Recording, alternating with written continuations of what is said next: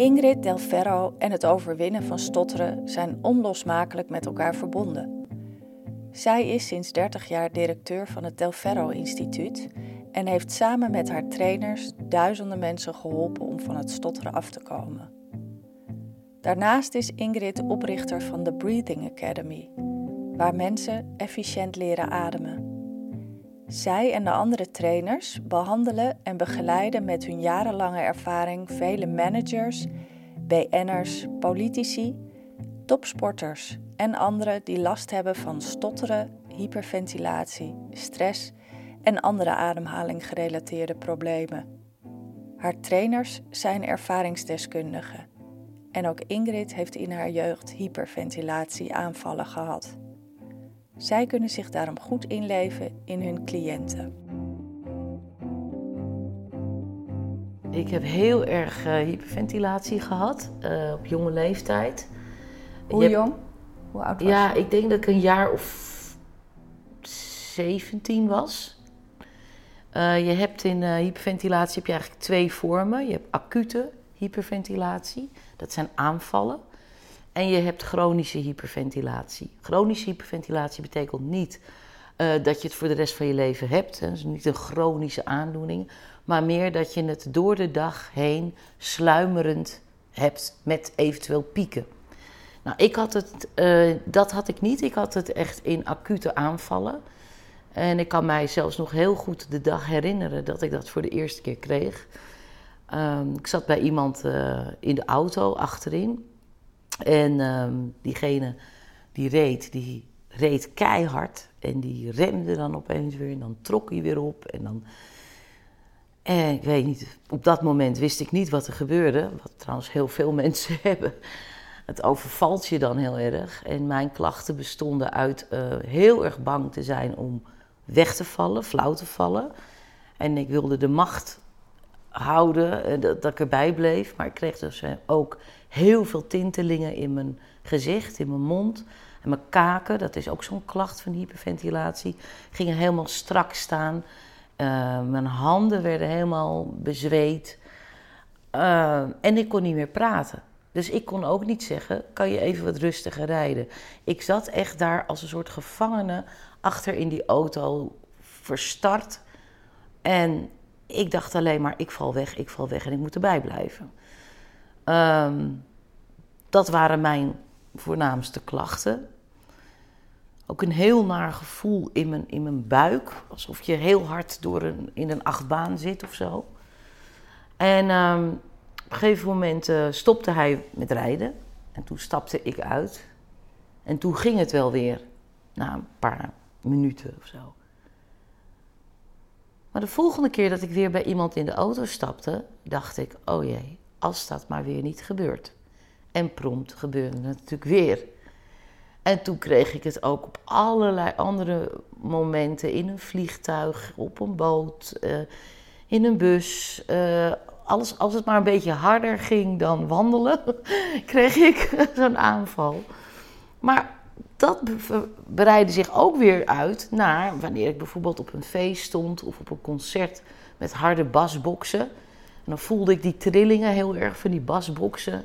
En dan kreeg ik het daar weer. Of uh, waar veel mensen, massa's samenkwamen, bijvoorbeeld Koninginnedag of Koningsdag, uh, kreeg ik daar weer een aanval. Totdat ik op een dag. En elke keer dezelfde soort klachten? Ja. Niet meer kunnen praten? Die tintelingen in mijn mond. Uh, dat verschrikkelijke vervelende gevoel in mijn maag. Uh, zweet in mijn handen. Uh, een soort band om mijn hoofd. Alsof iemand heel erg op mijn hoofd duwt, zeg maar. ja, en paniek. en bang om flauw te vallen. Ik ben ook best wel vaak flauw gevallen, overigens. En um, ja, dat is eigenlijk een soort van, achteraf gezien, een soort reset van je lichaam. Omdat de spanning dan zo hoog is opgelopen. En dan ben je even een paar seconden oud. En dan re, uh, regenereert je lichaam eigenlijk weer. En dan, dat is wel vervelend aan, aan de ene kant. Uh, ook best wel een beetje angstig, dat je bent gewoon even weg. Alleen daarna is de hyperventilatie ook wel weer even weg. um, nou, op een gegeven moment uh, zat ik een keer bij mijn vader in de auto. En ik had nog helemaal niet een aanval, maar ik was heel erg aan het meerijden. En van doe even rustig en kijk uit. En uh, nou, heel irritant ook trouwens. en toen zei hij, wat is er? Wat ben je zenuwachtig? Ik zeg, ja, want... Nou, toen vertelde ik mijn ervaringen. En toen zei hij, ja, maar lieverd, jij hebt hyperventilatie. En toen heb ik... Uh, ja. En wist je toen wat dat was? Nou ja, ik was er... Ja, dat is wel... Op zich is het best wel vreemd, want mijn vader... Uh, was, is de grondlegger van de Del Ferro-methode en behandelde al jaren mensen met hyperventilatie en stotterproblematiek. De Del Ferro-methode, ontwikkeld door Len Del Ferro, de vader van Ingrid, is gericht op het oplossen van stotterproblemen en hyperventilatie. Na zijn internationale zangcarrière vestigde Del Ferro zich als zangpedagoog in Amsterdam. Hij gaf zangles aan bekend Nederland en ontwikkelt zich als de eerste ademhalings- en mental coach bij onder andere Ajax Amsterdam. Na zijn overlijden in 1992 wordt zijn werk voortgezet door zijn dochter Ingrid. De specifieke Del Ferro middenrift training vormt de basis van de cursus. Ingrid volgde de cursus bij haar vader en de afgelopen 30 jaar volgden velen de cursus bij Ingrid en haar trainers, waaronder ikzelf. Ook mij hielp ze van een aantal akelige klachten af, zoals benauwdheid en trillerigheid. Bij mij begon het toen ik op de basisschool zat en iets moest voorlezen. Iedereen keek naar me en ik snapte het niet, maar ik kwam niet meer uit mijn woorden. Toen wist ik niet dat het te maken had met hoe ik ademde. Daar kwam ik pas afgelopen jaar achter toen ik een artikel van Ingrid las en haar opbelde voor een afspraak. Ingrid groeide op met het werk van haar vader, maar had niet door dat ze zelf ook hyperventileerde. Ik wist wel wat van hyperventilatie en het idioot is dat ik nooit een link heb gelegd. Dat is best vreemd en dat hoor ik heel vaak terug bij mensen die ik uh, behandel. Dat ze jarenlang overal zijn geweest.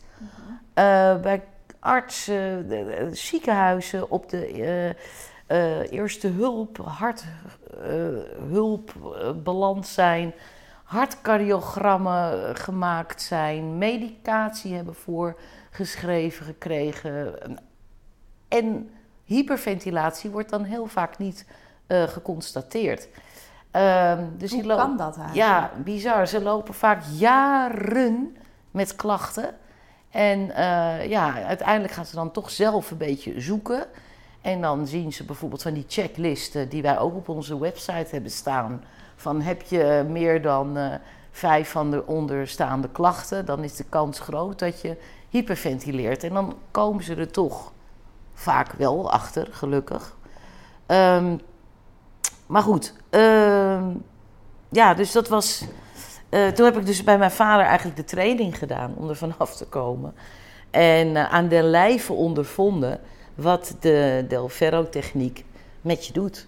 En uh, ja, dat is, dat is redelijk bizar. Want zodra, ja, je voelt direct als het ware de klachten een soort van wegebben.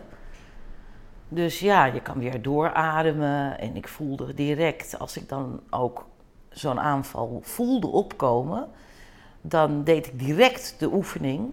En dan, ja, wat ik zeg, het voelde zelf alsof het zo weer uit je lichaam weg ja, dwarrelde. De techniek die Ingrid van haar vader Len leerde, brengen zij en haar trainers nu over op anderen. Kort gezegd komt de training erop neer om de middenrifspier goed te leren gebruiken. Het is een hele praktische training met ademhalingsoefeningen, versterkt door een mentaal gedeelte. Daarover meer in een volgende aflevering van deze podcastserie. Maar wat gebeurt er eigenlijk in ons lichaam als we hyperventileren? In principe is het dat men meer inademt dan uitademt, waardoor de uitwisseling van zuurstof en koolzuurgas uh, niet in balans is en waarop het lichaam gaat reageren. En de klachten die daaruit voortkomen, die zijn heel divers. En zuurstof adem je in en koolzuurgas adem je uit. Ja. En als die uh, uitwisseling niet optimaal is, verstoord is, ja, dan kan je hele vervelende klachten krijgen. Ik, zat, ik zat net te denken, wat is dat voor natuurlijke neiging? Dat als je gespannen bent, dat je heel veel gaat inademen. Heb je daar een idee over? Ja, zeker. Ik kan het wel uitleggen. Het is zo dat uh, we hebben een ademhalingsspier, dat is de middenrifspier. En die is voor 90% verantwoordelijk voor het ademen. En die spier die wordt aangestuurd door een zenuw. En dat is de nervus phrenicus.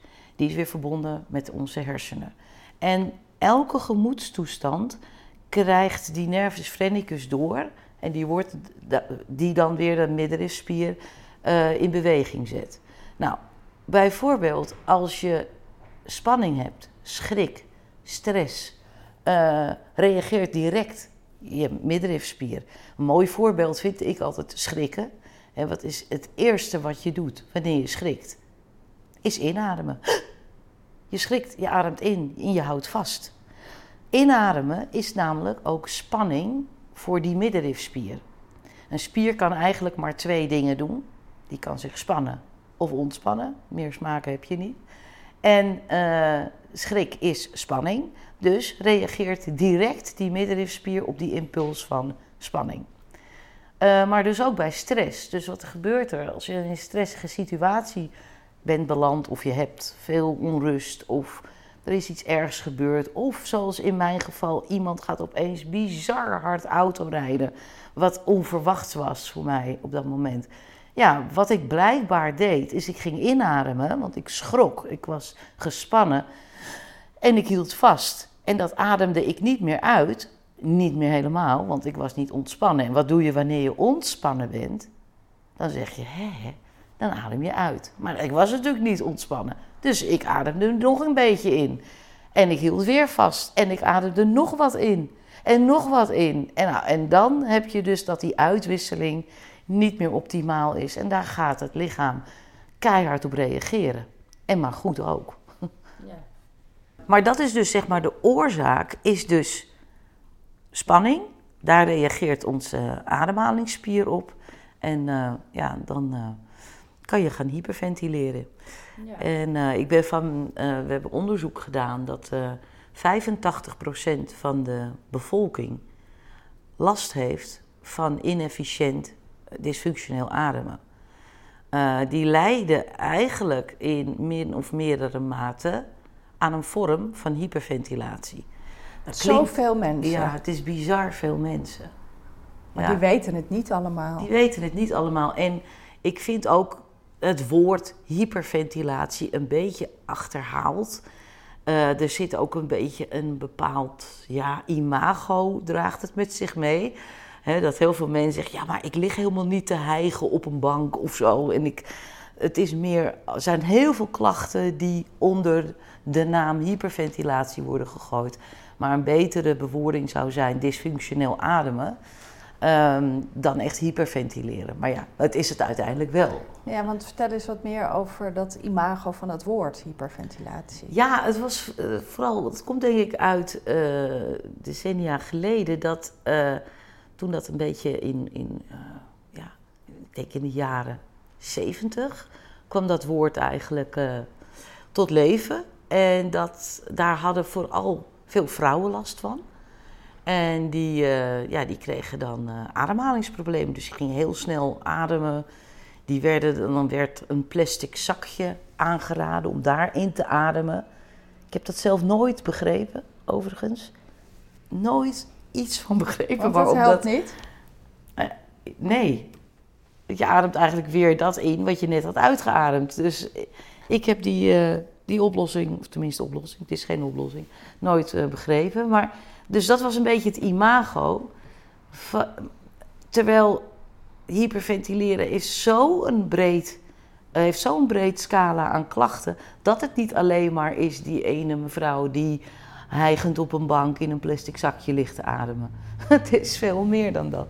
Ja. Dus jij noemt het dysfunctioneel uh, ademhalen. Ja, of ademen. maar ook dat weten heel veel mensen niet, dat dat ten grondslag ligt aan hun klachten. ik wist het ook niet. 51 ben ik nu en ik ben er bij toeval achter gekomen dat mijn klachten opgelost konden worden bij de Breathing Academy van Ingrid Del Ferro. Daarmee vond ik het vertrouwen dat als ik me zo rot voel, ik zelf iets kan doen om het op te lossen.